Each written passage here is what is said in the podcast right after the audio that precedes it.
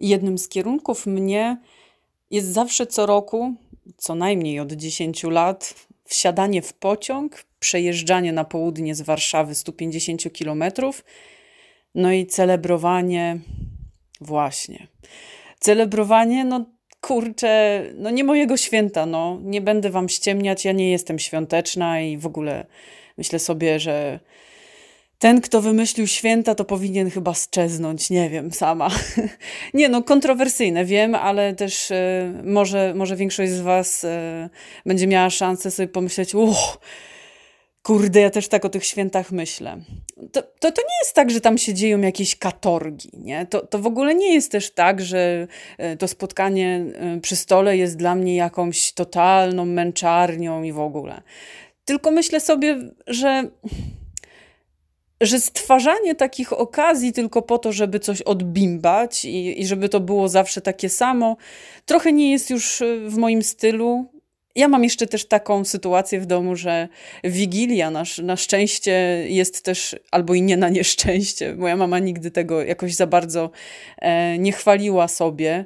E, ta Wigilia jest po prostu też imieninami mojej mamy. No więc tak naprawdę rozgraniczenie, czy to jest Wigilia, czy to są imieniny mojej mamy, e, to, to tak naprawdę e, było bardzo trudne. Czego ja nie lubię w świętach? E, nie lubię w świętach tego ciężkiego jedzenia. Po prostu to jest jakaś masakra i takiego faszerowania siebie e, tym żarciem po kokardę, jakbyśmy byli gęsiami na foyer gra. No po prostu hello! Po co to tak? E, I to jedzenie nie jest właśnie lekkie, tylko no, jest na maksa, na maksa takie ciężkie i gdyby nie kompot z suszu, no uwielbiam kompot z suszu, nie? I to w ogóle jest moja ulubiona potrawa wigilijna. Gdyby nie kompot z suszu, to ja bym absolutnie e, chyba tego e, całego Majdanu nie przeżyła. No nie przeżyłabym i już. Po prostu dochodzi do takiego momentu, w którym biorę dzbanek i leję sobie szklaneczka po szklaneczce i nie ma tam w środku żadnej wkładki alkoholowej. Ja po prostu popijam ten kompot po to, żeby sobie w swoim brzuszku zrobić taką miłość, takie, taką ulgę. Bo nie wiem, czy wiecie, ale ten kompot z suszu ma właściwości, które pozwalają najzwyczajniej w świecie lepiej trawić to wszystko, co żeśmy wtrążolili. No, generalnie to jest też tak, że w święta y, właściwie to nie ma, nie ma co robić. E, w telewizji jest totalna lipa, e, a poza telewizją to jest właśnie to siedzenie przy tym stole i takie napychanie się i takie to wszystko jest, o Boże.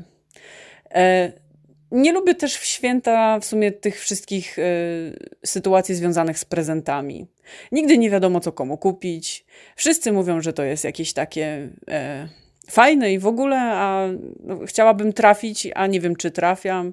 I zazwyczaj to jest takie wszystko naciągane. Ten hajs, wiecie, to już jest nawet lepsze rozwiązanie niż cokolwiek innego.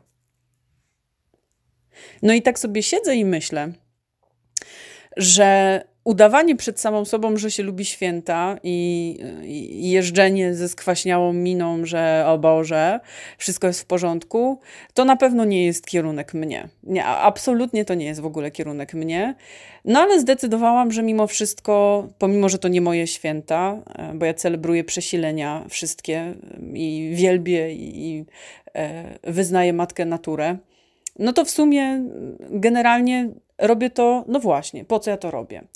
Robię to po to, żeby no, spotkać się z bliskimi, no bo nie mieszkam w tym samym mieście, co, co moi rodzice i moja babcia. E, na pewno robię to też po to, żeby móc, móc e, przypomnieć sobie, e, dlaczego już nie mieszkam w mieście, w z którego pochodzę, bo, bo to miasto czasami mam wrażenie, zieje taką aurą depresyjności. Wybaczcie mi skarżyszczanie bardzo, ale ja to tak mam. To jest moje subiektywne. Najwyżej mnie zlinczujecie i będziecie mówić, że e, wielka Warszawa mnie wchłonęła i tak dalej. Wiecie, bo to taki taka, taka maniera jest, że jak ktoś się do Warszawy wyprowadzi, to mu e, soduwa do głowy uderza.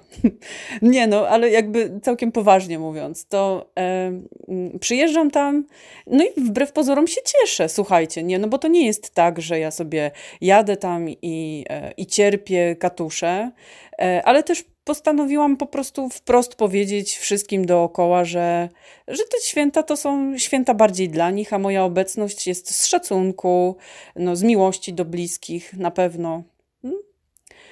E, ciekawe jest też to, że e, muszę za każdym razem odpierać e, różne ataki pod tytułem, ataki mojej babci pod tytułem córciu, córciu, a kiedy ty weźmiesz ślub, córciu, córciu, kiedy będziesz miała dzieci. No ja ciągle tłumaczę, że ja nie będę miała dzieci, ja nie chcę mieć dzieci, ja jakby też o żeniaczce na razie nie myślę, zobaczymy. W moim życiu się dużo ostatnio pozmieniało. No i I, I, tego też nie lubię w świętach. To jest w ogóle, e, to, to jest najgorsze. A i nie lubię strasznie tego sztucznego dzielenia się tym opłatkiem, bo to dla mnie w ogóle żaden symbol. I myślę sobie, że ja na co dzień tym wszystkim ludziom życzę dobrze i nie muszę tego jakoś tak e, udowadniać tym, że wezmę kawałek e, wytłoczonego w świętą familię e, kawałka czegoś i, i, i, po zjedzeniu tego to na pewno te życzenia się spełnią, bo, bo jak tego nie zjem, jak się tym nie połamie, to, to, to, to się nie będzie liczyło, tak? To, to w ogóle niezaliczone jest.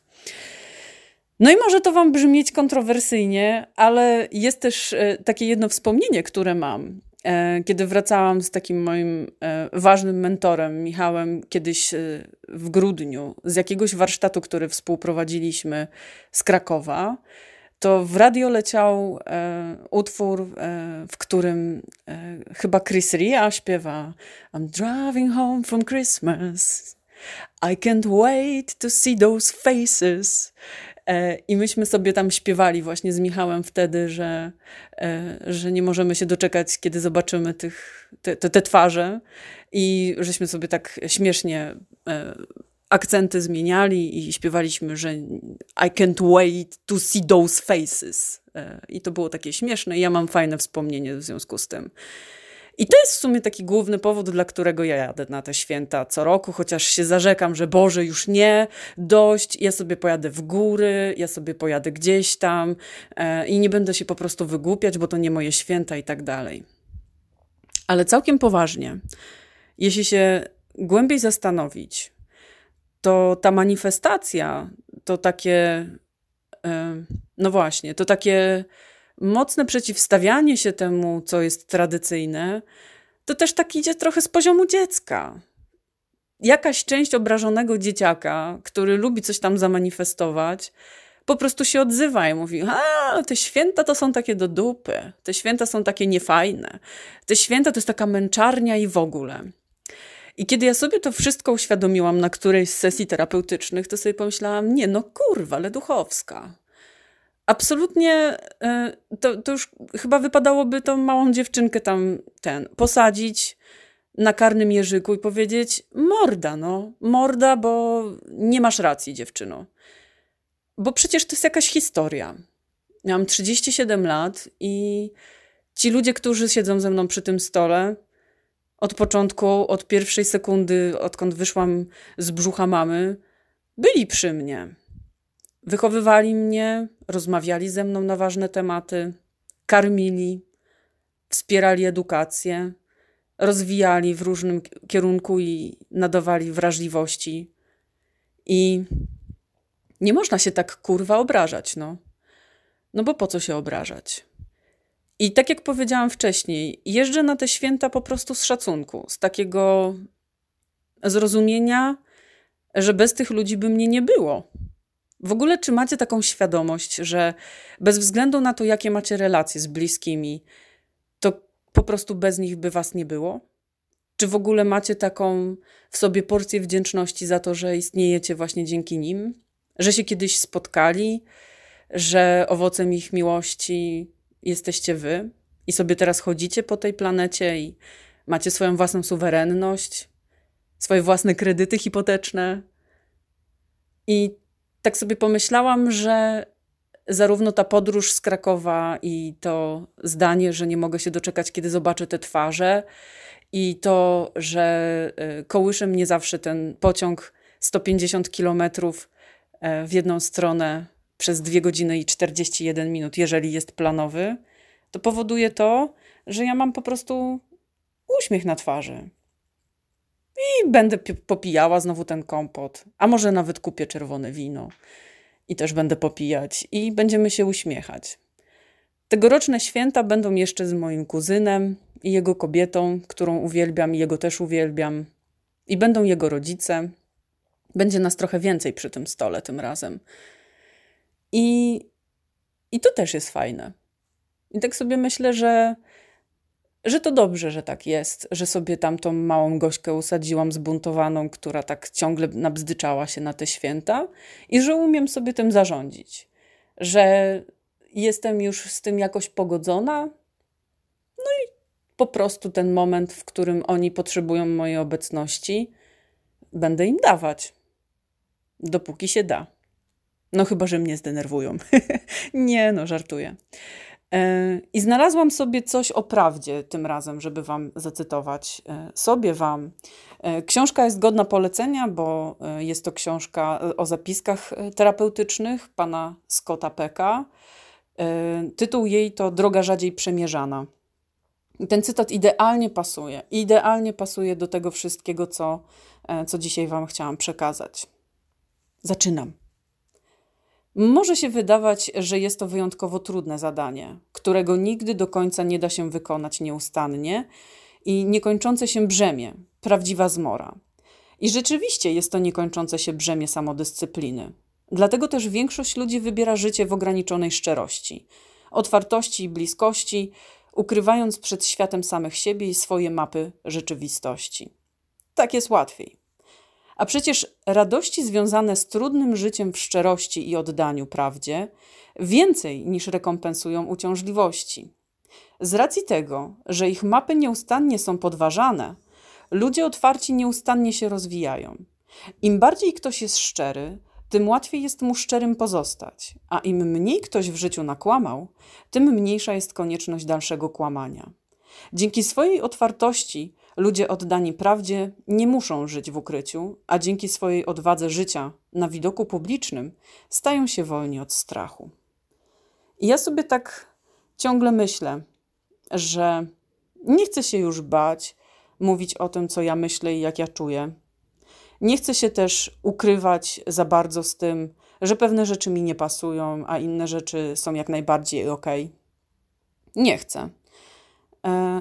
Podróż wewnętrzna e, w procesie psychoterapeutycznym, który odbyłam, była dla mnie cholernie istotna. E, jak sobie uświadomiłam, że ja mam w sobie taką zbuntowaną małą Małgosię, to było to dla mnie jednym z ważniejszych odkryć i ja ciągle ją tam gdzieś, wiecie, rozpoznaję i se, z nią gadam i mówię, oho, się odzywa maleństwo. I jest taka jakaś czasami bardziej nachalna, czasami sobie siedzi w kąciku, e, majta nóżkami, bo nie dotyka ziemi, jak siedzi na krzesełku. I łapiąc się za swoje warkoczyki, trochę zadziornie próbuje ze mną dyskutować i mówić, że ona ma bardziej rację niż ta dorosła część mnie.